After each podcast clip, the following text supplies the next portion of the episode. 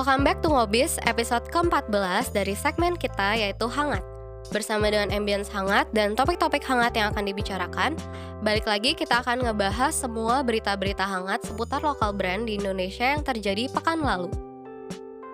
Hai semua, balik lagi dengan gue Yulisa dan gue yang bakal ngebawain hangat untuk kalian semua yang lagi ingin memulai minggunya dalam beraktivitas.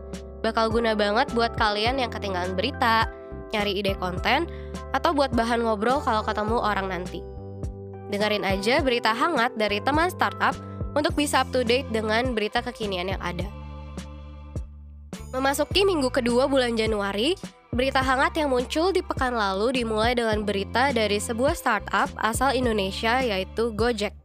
Perusahaan teknologi asal Indonesia yang melayani angkutan melalui jasa ojek tersebut dan juga Nadiem Makarim digugat untuk ganti rugi royalti sebesar 24,9 triliun rupiah.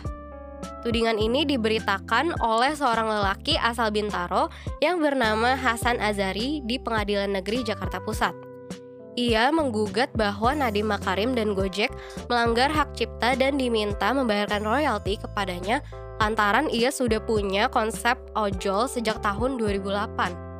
Pihak Hasan menjelaskan bahwa model bisnis yang dilakukan oleh Gojek identik dengan bisnis ojol via blog milik Hasan Azari.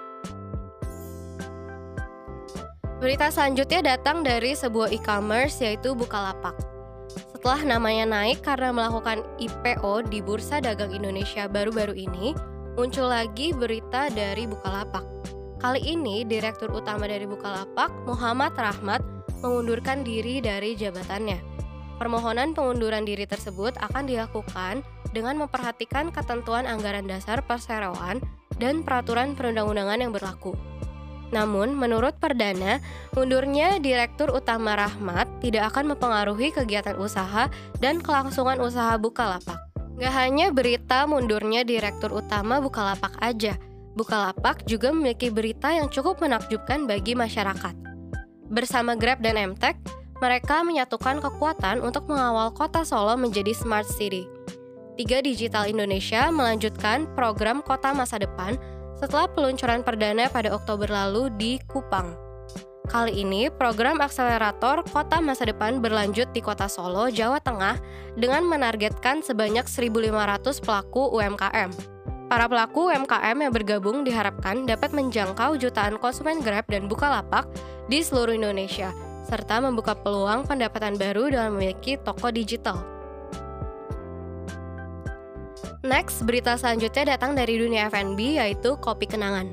Kopi Kenangan resmi menjadi salah satu unicorn Indonesia setelah berhasil mengantongi 1,37 triliun rupiah dari putaran pendanaan seri C yang dilakukan beberapa waktu lalu. Karena pendanaan ini, Kopi Kenangan menjadi perusahaan yang bernilai lebih dari 1 miliar US dollar. Co-founder dan CEO Kopi Kenangan, Edward Tirtanata, mengatakan bahwa pendanaan ini nantinya akan digunakan perusahaan untuk memperluas jejaring bisnis di kawasan Asia Tenggara. Perusahaan ini telah memiliki 500 toko di 45 kota dalam 4 tahun terakhir.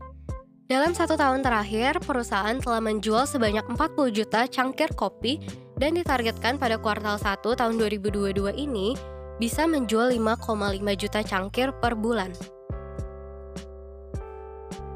Masuk ke berita yang terakhir, sejak akhir tahun lalu hingga awal 2022, muncul fenomena di kalangan tanah air, yaitu mengadopsi spirit doll alias boneka arwah.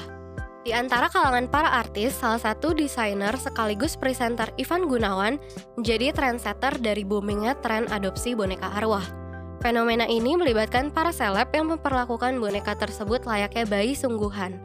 Sebagian orang percaya bahwa boneka-boneka tersebut bisa mendatangkan keberuntungan, yang kemudian menimbulkan perdebatan di kalangan netizen. Jadi menurut founder sendiri, boneka arwah ini sebuah tren sementara atau akan terus berlanjut nih ke depannya. Kita sudah sampai di penghujung recap berita hangat dari minggu lalu. Kalau para founders punya berita-berita hangat lainnya, boleh nih DM kita di Instagram at teman startup untuk diangkat dalam berita hangat minggu depan. Stay tuned for next week's berita hangat. See you soon and stay safe.